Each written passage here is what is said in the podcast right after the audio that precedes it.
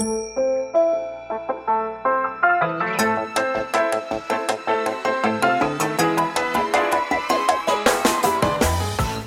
lieve luisteraars, welkom bij de Stories of Inspiration podcast van What's Your Story. De podcast waarin ik jou laat horen dat er achter ieder gezicht een inspiratiebron schuilt. En waarin ik jou heel veel tips ga geven over hoe jij meer naar buiten kunt treden met jouw authentieke verhaal. Heel veel plezier met luisteren en na afloop ben ik onwijs benieuwd wat je ervan vond. Stuur me een berichtje via Instagram als je wil reageren, als je vragen hebt of als je jouw verhaal ook zou willen delen. Veel plezier met luisteren!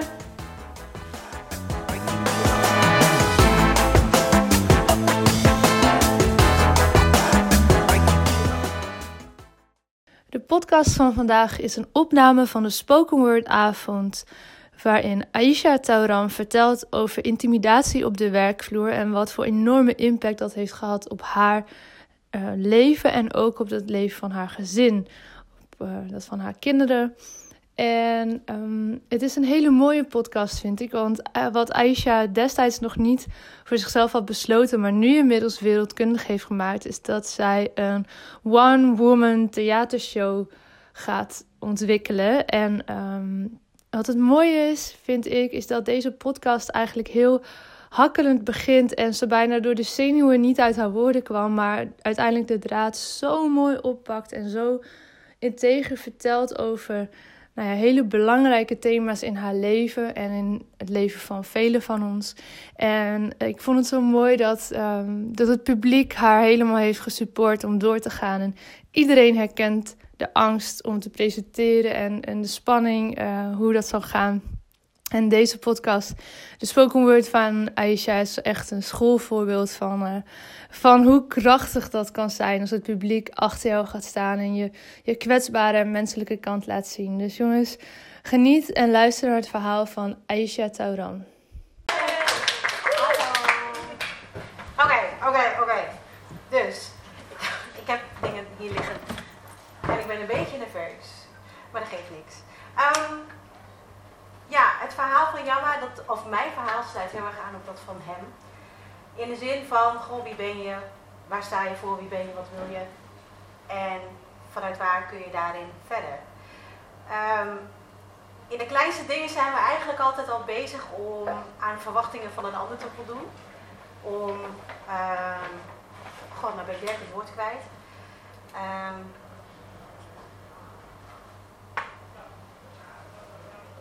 Ja, waar ging ik naartoe? Oh, zit er net iemand ook te filmen zo? Um, adem in, adem uit.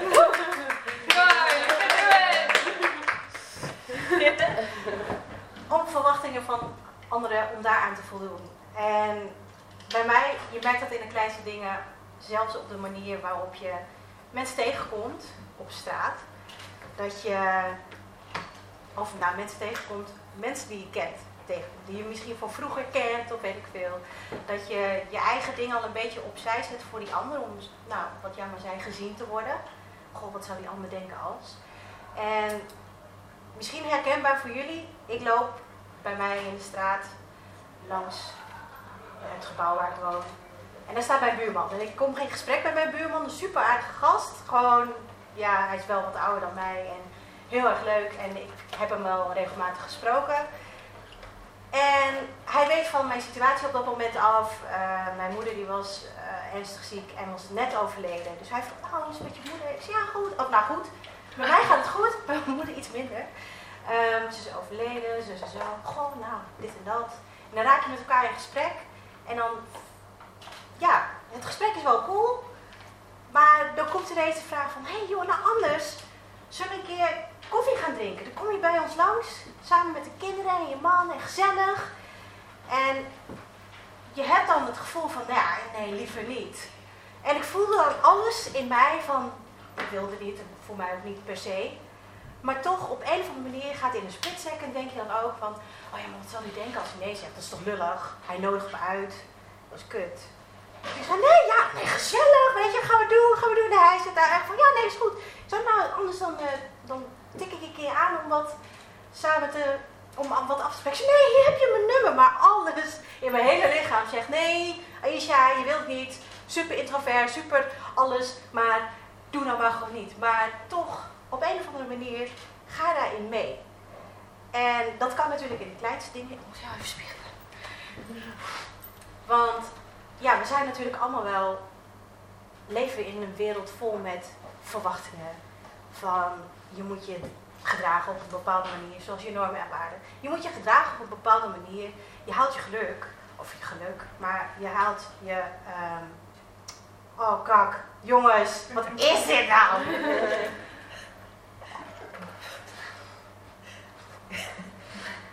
sorry, sorry. Nee, niet sorry. Je haalt je geluk op het moment dat je een goede studie hebt gedaan. Je hebt je baan, je hebt je huis, je hebt je boompje, je hebt je beestje. En dat, daar wordt zo'n soort van, ja, ding opgelegd van ja, dat is waar je het haalt en dat is waar je het hebt. Terwijl ik het gevoel heb van nee, dat, dat is helemaal niet waar het ligt. We zijn allemaal zo opgevoed vanuit, ja, uh, je moet je goede cijfers halen, dan heb je een soort van aanzien, word je gezien, wat Jamo ook zei.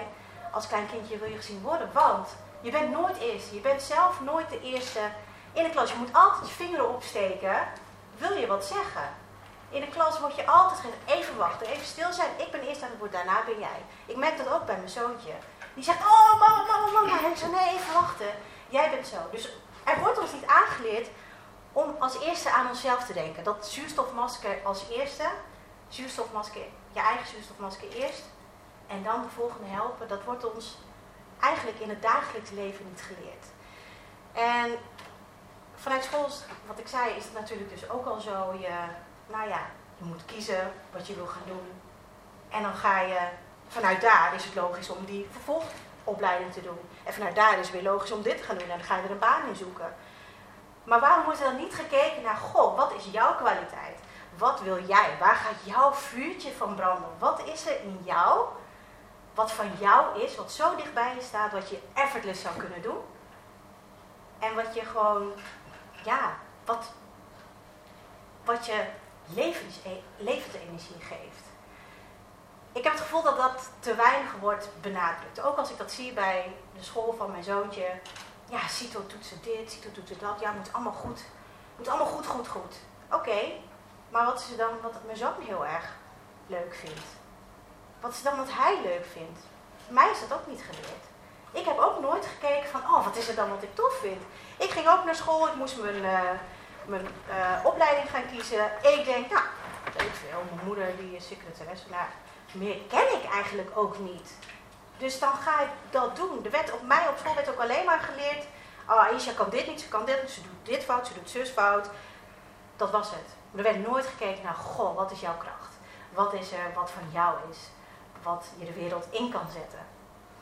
En zo ga je vanuit, voor mij was het dan een secretariële opleiding waarvan ik dacht, oh, ze hebben hier tikmachines, super tof. Ik heb een, tik, een, ik hou heel erg van knopjes drukken. Dus ik dacht, yo, ja, toffe opleiding, want ik kan op knopjes drukken. We hebben dat ding één keer gebruikt en dat was het. Weet je, nou ja, daar ga ik mijn hele leven op voort. Kut. En ik wist gewoon niet wat ik wilde. En daar heb ik nooit naar gekeken. Dus ik ging aan het werk. Ik had mijn, uh, mijn mbo niet afgemaakt. Ik denk, nou, failure ten top. Want wie ben ik nou in het hele leven? Ik kan niet zoveel. Dus me steeds ingeprent ook op school. Dus ik ging me vervolg op, of ik ging aan het werk. Ik begon als uh, callcenter, agent, bij KPN. werd helemaal verrot gescholden, elke dag weer, omdat mensen waren afgesloten, weet ik veel wat.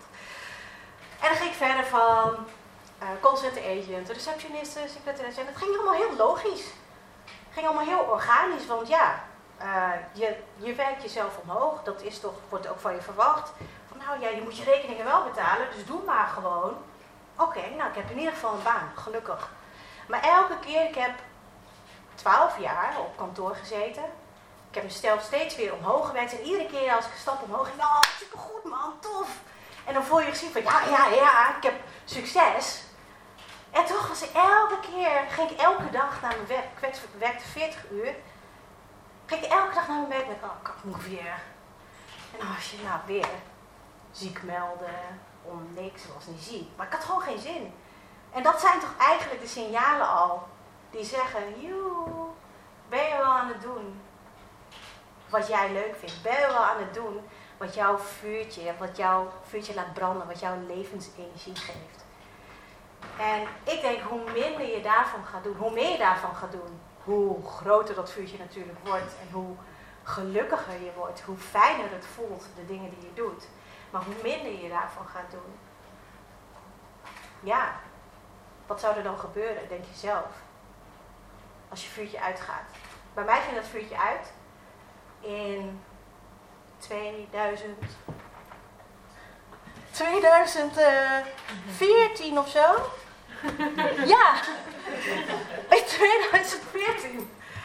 Toen uh, kreeg ik de kans om. Nou, ik ging steeds af en aan met mijn baan en dan ging ik weer, uh, werd ik weer ergens ontslagen of mijn contract werd niet verlengd. En dan moest ik weer op zoek naar een nieuwe baan. Logisch, secretarieel, want heb ik altijd gedaan. Ik kwam bij een uitgever, want iets in mij was wel, oh, ik wil eigenlijk altijd al een boek schrijven, lijkt me super tof. En ik kwam bij een uitgeverij te werken. Logisch dat je dat gaat doen, dat je denkt, oh, dit wordt hem. Maar ik zette mijn eerste gevoel compleet opzij. Omdat Aisha, heb je al een nieuwe baan? Ja, ja, ja, nee, ik heb uitzicht op uh, een baan bij een uitgever. Oh, wat tof, super. Oh, wat goed. Wat goed dat je al zo snel weer een nieuwe baan vindt. En ik kom bij die sollicitatie. En ik zit en het eerste wat ik voel al bij die man die tegenover mij zit is... Nope, nope, nope, nope. Gaat niet worden. Gaat hem niet worden. Maar toch hij was enthousiast en oh ja, nou, je kan morgen beginnen. En ik, ik dacht, oh ja, ja, als ik morgen kan beginnen. Ik had toen net een zoontje. Um, mijn zoon was toen één. Dus ik dacht, ja, weet je, ik moet hem onderhouden toch? Wat anders dan? Ik heb nu de kans om een baan te krijgen. Wat, wat, dat moet wel. Het kan niet anders. Dus ik ging. En ik heb het geweten. Want, um, nou, deze man, schreeuwen tegen het personeel. Elke dag weer als zijn auto aangescheurd kwam. Want hij scheurde echt met zijn bak, vond hij hartstikke stoer, weet ik veel waarom. En dan kwam hij boven en dan zag je al het personeel. Oh, fuck, fuck, hij is er weer. En bij mij gebeurde precies hetzelfde. Shit. En ik zat met hem in één kantoor, ik was zijn assistent. Ik hielp hem met alles. Maar hij hielp mij met een klootgevoel te krijgen. Met steeds weer een knijp, kneepje in mijn schouder in mijn nek. Het kwam in mijn been. werd een zoen in mijn nek. En toch, ik wist aan alles, ik voelde aan alles, dat is niet oké. Ik bedoel, jullie zitten hier en denken waarschijnlijk wel, oh my god, wat deed je daar? Waarom ga je niet weg? Maar ik ging niet weg. Want ik had het gevoel dat ik toch, ik moest, ik moest, dat heb ik mezelf natuurlijk wel aangepraat, ik moet natuurlijk mijn gezin onderhouden, want wat anders? Wat anders? En mensen die zagen van buitenaf allemaal, oh super tof baan, Aisha, dit en dat, he, he, uitgeverij, super leuk. Maar zelf voelde het helemaal niet zo. En er kwam een dag dat onze zoon die kwam in het ziekenhuis terecht. Toen was hij anderhalf. Ik heb dus een half jaar daar, ja, was ik daar aan het werk. Nou ja, dag in dag uit. Hetzelfde rieltje. Hetzelfde geschreeuw. Dezelfde kneepjes, dezelfde zoenen. En onze zoon die komt in het ziekenhuis en hij, hij belt mij op. Ik zit, ik zit in het ziekenhuis. En hij belt mij. We wisten niet wat er met onze zoon aan de hand was. Hij werd dag in dag uit de OK ingereden. We hadden alleen maar stress van, oh mijn god, wat is er met het jongetje van één? Hij eet niet meer, hij drinkt niet meer, hij bloedt bijna dood. En hij belt. En hij zegt, Oh, Isha, help. Iedereen is op vakantie. Het is vakantietijd.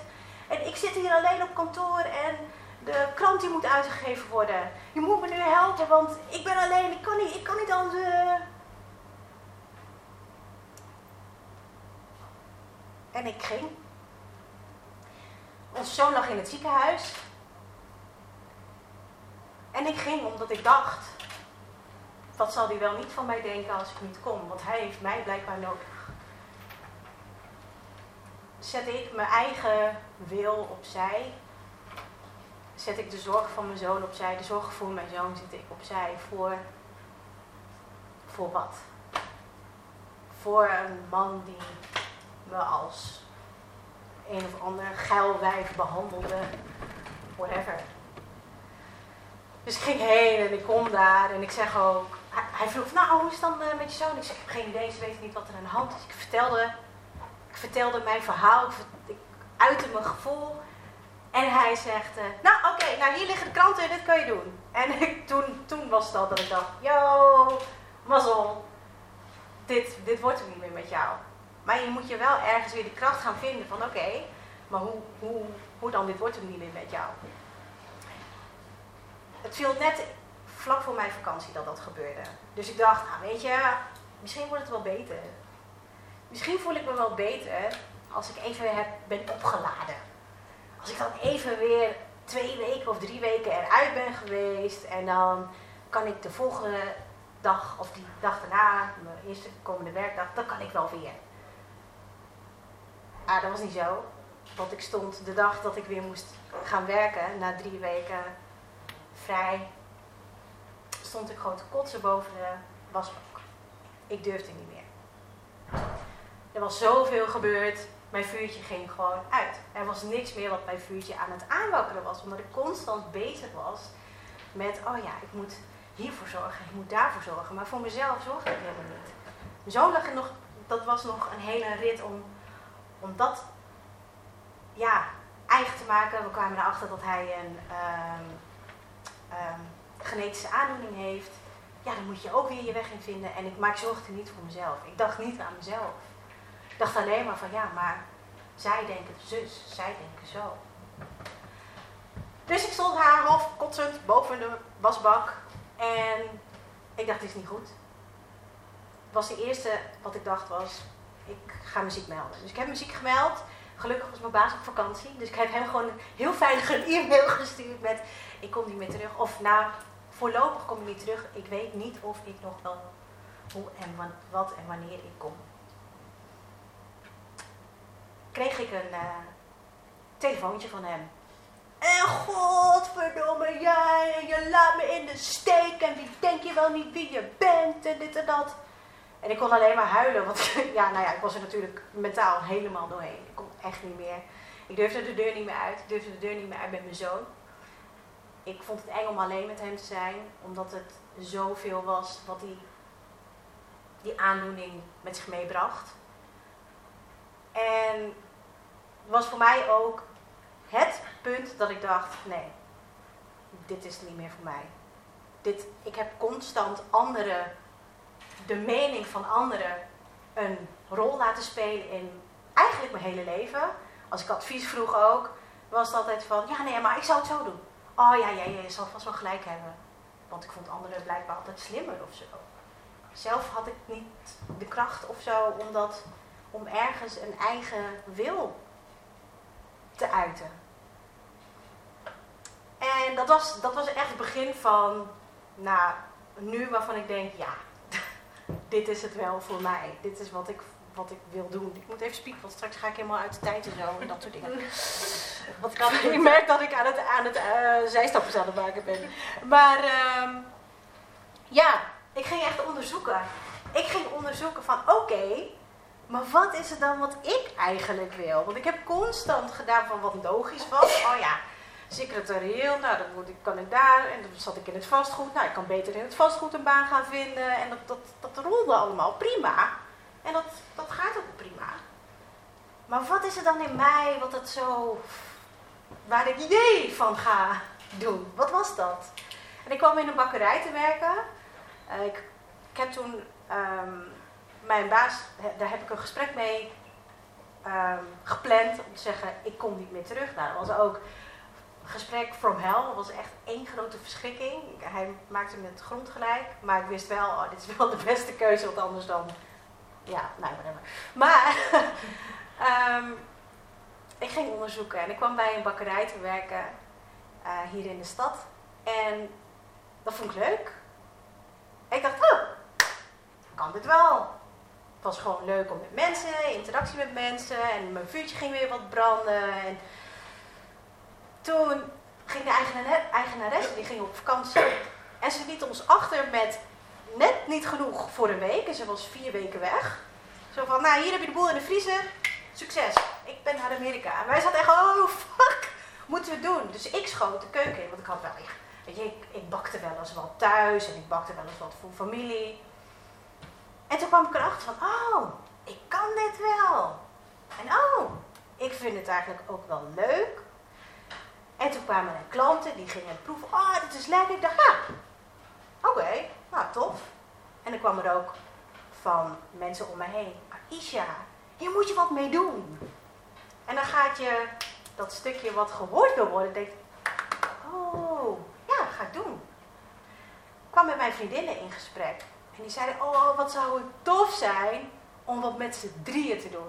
Want wij zaten daar letterlijk elke dag met z'n drieën, all day, every day, muziek luisteren, praten over alles, bakken. Het leek echt living the life, het was echt heerlijk.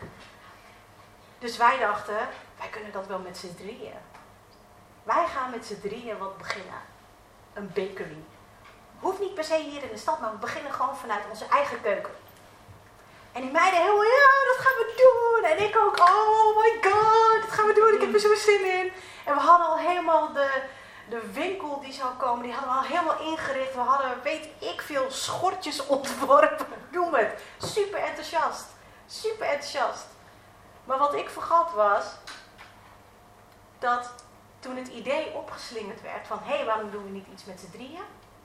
Wat ik vergat was mijn eigen gevoel dat in eerste instantie zei, ik zou eigenlijk liever wat in mijn eentje willen. Maar door die enthousiasme van anderen, ging ik, yes, ik ga meedoen, ik doe mee, vind ik super tof. Dus we begonnen, oh, we hadden een logo en we hadden al eerste bestellingen. En ik zag die eerste bestelling komen en ik dacht, ik zou hem niet zo de deur uit doen. Maar ja, ik ga toch ook niet zeggen van ja, Jezus, doe dat even overnieuw. Je bent met z'n drieën, je moet wel een soort van samenwerking hebben. Nou, dan kwamen, kwamen er discussies over foto's op internet. Hè, en ik, op een gegeven moment voelde ik dat ik daar steeds meer afstand van ging doen. En toen zouden we officieel online gaan via Facebook. Nou, en helemaal excited, yay, we gaan het sowieso doen. En nou, iedereen natuurlijk een beetje ophypen via Facebook. Van, oh, er zit wat aan te komen. Nou, eh, eh, dat, dat soort ongein. En ik zat dat weekend zat ik in Scheveningen met mijn vriend. nou, die heeft echt een takkenweekend gehad. Want ik, ik, was alleen maar, ik was alleen maar chagrijnig. Elke keer als het over die bestellingen ging of over, erover ging dat we online zouden gaan met onze taarten. Oh man, dan was ik helemaal van, god, ik heb helemaal geen zin in. Oh, gezeiken. Weer, hallo, teken. Dit, misschien vind je dit niet leuk. Dus ik zit daar in dat weekend, ik zit op de boulevard te janken. Ja, ik weet niet wat ik moet doen.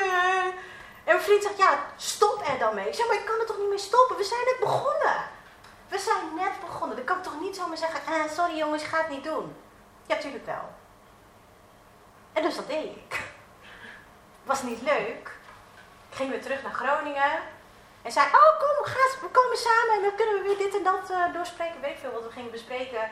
Maar we zouden samenkomen met z'n drieën. En ja, je gaat met lood in je schoenen, want je denkt, oh my god, dit wordt het moeilijkste ooit. Want we zijn net begonnen. En we zijn dit, met z'n allen, met z'n drietjes. Dus ik zit daar op die bank. En, uh, nou, hoe is het? Hoe was de Scheveningen? Ik zeg, nou, uh, nou, hoge woorden eruit. Dus ik kan het niet. En die meiden echt, Hè? Hoezo? Maar je was zo enthousiast. Hoe kan dat nou? Ik zei, ja, ik weet het ook niet zo goed. Ik wist het ook echt niet zo goed hoe het kwam. Ja, ik werd meegesleurd in hun enthousiasme. Het voelde gewoon niet goed, zei ik. Het voelt niet goed voor mij. Nou ja, daar kwam wel begrip uit. Van, oh ja, als het niet goed voelt, dan moet je het niet doen. Maar het kwam wel uit voort dat tot op de dag van vandaag we geen contact meer hebben. Mm. Van elkaar elke dag zien naar ja, hé, hey, jij gaat je eigen weg. Nou ja, ja, zo is het niet gegaan hoor. Dat is echt heel Nee, maar zo, zo voelde het op een gegeven moment wel. Oké, nou word ik in het diepe gelaten. Omdat ik iets voor mezelf wil gaan doen. En dat ga je vaker krijgen op het moment dat je dingen gaat kiezen die voor jou goed voelen, maar voor een ander minder goed. Dan ga je weerstand van die ander krijgen. Van ja, maar hallo. Ik ga me daar kut door voelen. Ja, maar ik dan? Wat gebeurt er dan als ik daarin meega? Dus toen ging ik mijn eigen weg. Lovely Layers Cake Design. Ik was het meest blije meisje van Groningen. Want yes, ik stond voor mezelf. Was ik echt heel trots op. En yes, het liep direct al. Waardoor ik werd bevestigd. Ja, natuurlijk, dit was de goede keuze. En helemaal dat die vriendschap eigenlijk helemaal naar de kloten ging, was het ook een goede keuze. Want als het nu niet kapot was gegaan, was het wel later kapot gegaan. Dus nou, Lovely Layers Cake Design. Ik deed bruiloften van op uh, Noorderzon. ja, ja. En ik, nou, ik had het geweldig de eerste anderhalf jaar. En toen kwam het een beetje van, oh god, dat is best veel in je eentje. Ik had geen weekend vrij. Ik was op midden in de nacht was ik aan het werk, want het was allemaal handwerk. Het was allemaal handgemaakt, vers gemaakt. En het was allemaal op maat. Iedereen had andere wensen en de een wilde dit en de ander wilde nog gekker en weet ik het allemaal wat. En ik dacht, ja, ik vind het nog wel leuk, maar ik had echt het gevoel van, ah, hier heb je je stuk obese ding. Want het was, ja, boter, suiker, weet ik veel. Wat er allemaal nog meer, bloem en weet ik het, eieren. Maar ergens ging er weer een stukje tussendoor en zei, ja, wil je dit wel zo? Steeds weer zo'n, hm, een dingetje waar dat vlammetje wat minder van ging, ging branden. En ik kwam in gesprek met eh, toen mijn business coach. En daar kwam ik erachter van, oké, het ondernemen lijkt me wel heel erg leuk. Mijn vriend heeft echt al elf jaar een eigen bedrijf. En ik heb altijd gezegd, nou, dat hoef ik echt niet. Dat ga ik nooit doen. Moet je constant je eigen beslissingen maken, wat een verschrikking. Maar doordat ik met haar in gesprek kwam, uh, kwam ik erachter, het ondernemen vind ik heel erg leuk. Maar het ondernemen op dit moment, met een taartenbusiness, tot midden in de nacht aan het werk, vier uur s'nachts naar bed gaan en om zes uur s ochtends met de kinderen weer in de weer, iets minder. En ik dacht, ja, hmm, moet ik dan stoppen? Ja. Dus ook daar weer, ja, op het moment dat je dat voelt van hé, hey, is dit iets, moet ik dit wel doorzetten? Is het het waard om te onderzoeken? Want waarom niet? Wat heb je te verliezen? Of je gaat alleen maar de betere kant op, of je blijft in waar je nu bent en dan kan je nog weer verder. Dus ik ging in volle moed. Ik ging bij mijn business coach vandaan en ik dacht, oh yes, ik stop ermee en nu ga ik, ik, ga, ik wil een bedrijf. Ik had dat in één treinreis van uh, Haarlem naar Groningen had ik alles opgeschreven. Oh, dit lijkt me tof en dit lijkt me tof. En ik wilde een bedrijf wat vanuit mij kwam. Niet wat vanuit mijn handen kwam, maar vanuit mijn ervaringen. Mind Your Business is dat nu geworden. Maar ik dacht, yes, ga ik doen. En ik kom thuis. Ik zeg, nou schat. ik heb nieuws. Hij zegt, oh, wat dan? Ik zeg, nou, uh, ik denk eigenlijk dat ik met uh, Lovely Layers moet gaan stoppen. Want ik wil een ander bedrijf gaan starten. En ze zijn hoofd was echt. Oké. En ik zat daar van, ah, tof toch? Nee? en hij zat echt, oké, maar hoe gaan we de rekeningen dan betalen? En ja, maar Lovely Lees, het loopt zo goed. En je hebt vaste afnemers en je hebt dit en je hebt zus. Ik zeg, en echt in een split ik hoorde mezelf soort van oud patroon afgaan dat zij, dat in mijn hoofd al zei van, oh ja, je zou wel gelijk hebben. Je zou me gelijk hebben, dus nou, ik probeer nog wel even. Maar tegelijk ging het ook in mijn hoofd van, no, no, no, no, je hebt wat met jezelf afgesproken. En dat was achter je eigen vuurtje aangaan. Oké, dus ik zei, ja, ik hoor je. Maar schat, love you, maar fuck jou, ik ga stoppen.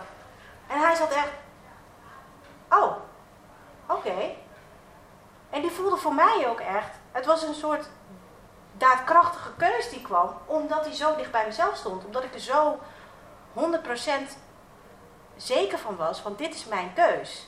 En op het moment dat het 100% jouw keus wordt, dat jij er volledig achter staat, dan zul je dus ook merken dat mensen die om jou heen zitten, die, dat, die gaan dat ineens begrijpen. Want ik merkte dat bij mijn schoonvader. Mijn schoonvader is een ontzettend Noorse man. ontzettend. Ik, ik kan het niet eens omschrijven. En ik probeerde hem uit te leggen wat Mind Your Business voor mij was. Dat ik Layers wilde gaan stoppen en dat ik mensen wilde gaan helpen achter dat vuurtje aan te gaan. Van wat is het wat jou drijft?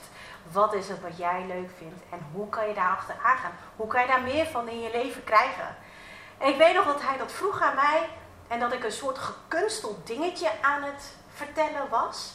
En dat hij zei, ja, maar dat kan toch niet zomaar. En uh, elke dag voel je wel een keer dat, je, dat iets niet fijn is. En uh, kun je toch wel gewoon doorgaan met je bakkerij, dit en dat.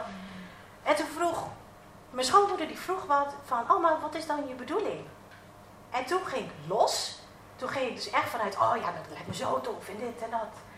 En ineens zat, zat mijn schoonvader, ah, oh dat klinkt wel, uh, dat klinkt wel goed. Dat ik ook echt zat van, wat de hè? Maar het heeft zo te maken met dat je keus zo dicht bij jezelf staat. Dat je niet leeft naar wat anderen allemaal wel niet van je zouden kunnen denken. Want iedereen vindt er sowieso wel wat van. Misschien vinden jullie er nu ook wel wat van dat ik hier sta. Maar ik heb nu fucking lol. ik heb het naar mijn zin. Dus daar is het waar het me om gaat.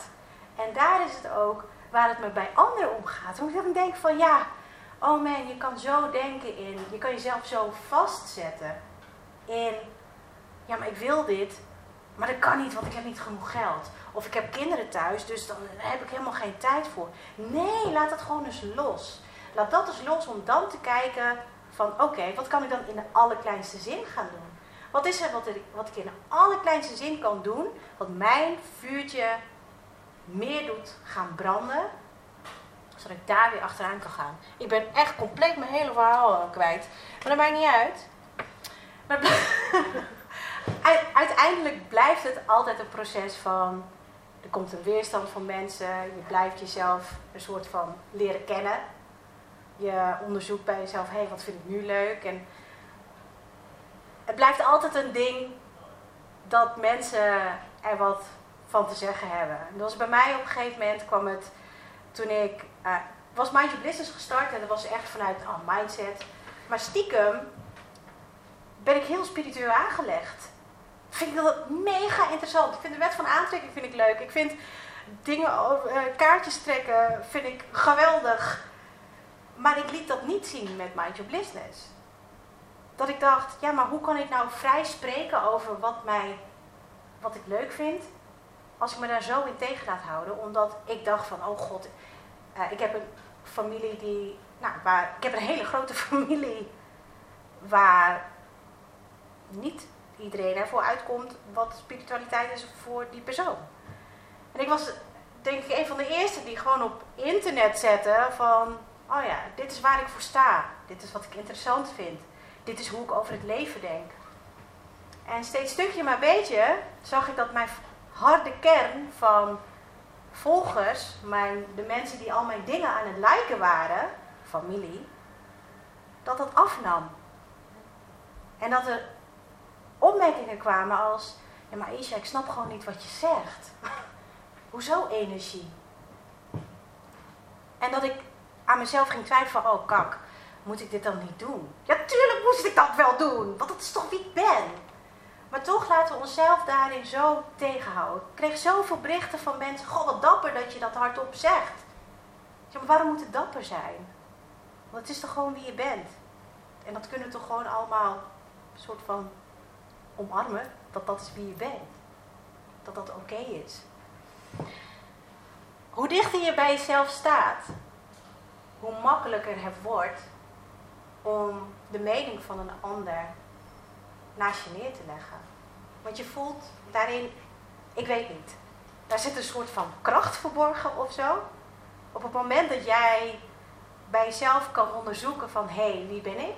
Wat vind ik? Wat is belangrijk voor mij? Hoe wil ik in dit leven staan? Wie ben ik? Zonder iedereen om mij heen. Als iedereen, als alles en iedereen om jou wegvalt. Want dat is wat er kan gebeuren. Iedereen om jou heen is vergankelijk. Alles om je heen is vergankelijk. En dan blijf je in je eentje over. Is dat wat er is? Ben je daar dan ook blij mee? En is dat wat er is ook interessant om te volgen of niet? En daarom zit daar zoveel kracht in. Want het gaat niet om wat anderen denken, uiteindelijk. Super cliché, I know, super cliché. Maar het is ook zo. Het gaat niet om dat jij toestemming van een ander krijgt om iets te gaan doen wat jij leuk vindt. Want die ander die voelt niet wat jij voelt. Die ander voelt niet dat als jij in een hutje op de hei wil gaan zitten, vogels spotten. Ik heb geen idee hoe dat werkt eigenlijk. Maar hoe dan, wat voor manier dan ook dat wil gaan doen, omdat dat ergens iets aanwakkert, dan heeft niemand daar wat over te zeggen. Want uiteindelijk is dat vuurtje wat bij jou brandt, dat is het belangrijkst. En die moet je gaande houden. En die moet je volgen. En als je niet weet wat het is wat je moet volgen, onderzoek dat voor jezelf. Hé, hey, waar gaat mijn interesse naartoe? En als dat morgen is dat je, ik heb dat ook gehad. Oh, ik wil nu een uh, ding met fysiologie doen. Oké, geen fysiologie doen. Ah, dat is het toch niet. Het is geen falen. Durf fouten te maken. Het is geen falen als je erachter komt dat dat het toch niet is. Daar lag je interesse. Ah, nee, nee, voelt toch niet oké. Nou, dan ga je een andere kant op. Het maakt niet uit. Want het gaat uiteindelijk om wat jou staande houdt.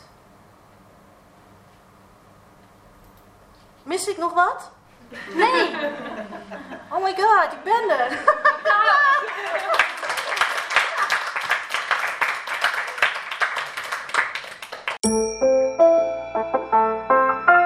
Ja, dat was hem weer voor deze keer. Dankjewel voor het luisteren en ik hoop dat je hebt genoten van deze podcast. Wil je me helpen deze podcast te laten groeien? Laat dan een recensie achter via iTunes of deel in je Instagram stories dat je hebt geluisterd en vergeet mij niet te taggen. What's your story? NL. Zo kunnen wij er samen voor zorgen dat er meer en meer inspirerende verhalen gedeeld zullen worden. Alvast onwijs bedankt voor je support en tot de volgende aflevering.